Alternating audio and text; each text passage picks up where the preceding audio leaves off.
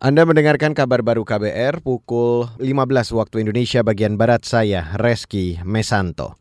Saudara Badan Pusat Statistik atau BPS mencatat pertumbuhan ekonomi Indonesia pada triwulan 2 tahun ini meningkat jika dibandingkan dengan periode yang sama tahun sebelumnya.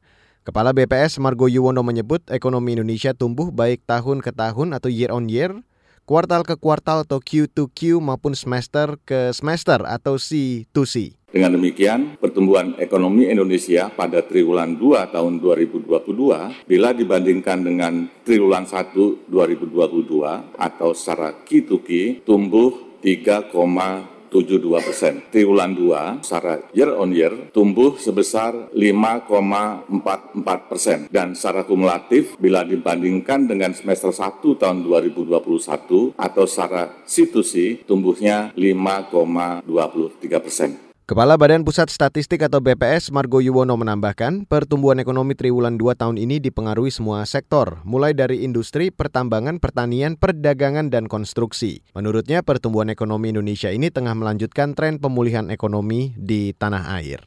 Beralih ke berita selanjutnya, Saudara.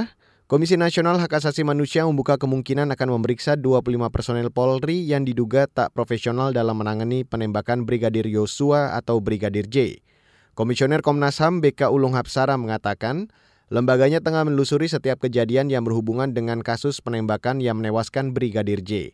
Hari ini Komnas HAM mengagendakan pemeriksaan tim pusat laboratorium forensik Polri untuk meminta keterangan soal hasil uji balistik. Sebelumnya Kapolri Listio Sigit Prabowo menyebut tim Polri sudah memeriksa 25 personel polisi yang dianggap tidak profesional dalam menangani kasus penembakan Brigadir J. Sejumlah orang di antaranya merupakan perwira tinggi dan perwira menengah Polri. Saudara pemerintah Taiwan meminta Indonesia ikut mengecam latihan militer besar-besaran Tiongkok yang memblokade wilayah laut dan udara Taiwan. Latihan perang itu diduga bentuk kemarahan Tiongkok terhadap kunjungan Ketua DPR Amerika Serikat Nancy Pelosi ke Taipei. Perwakilan Kantor Dagang dan Ekonomi Indonesia atau KDEI Taipei John Chen meminta Indonesia menuntut Cina segera menghentikan provokasi militer itu. Chen juga berharap masyarakat di Indonesia menunjukkan solidaritas terhadap Taiwan yang menghadapi tekanan Tiongkok.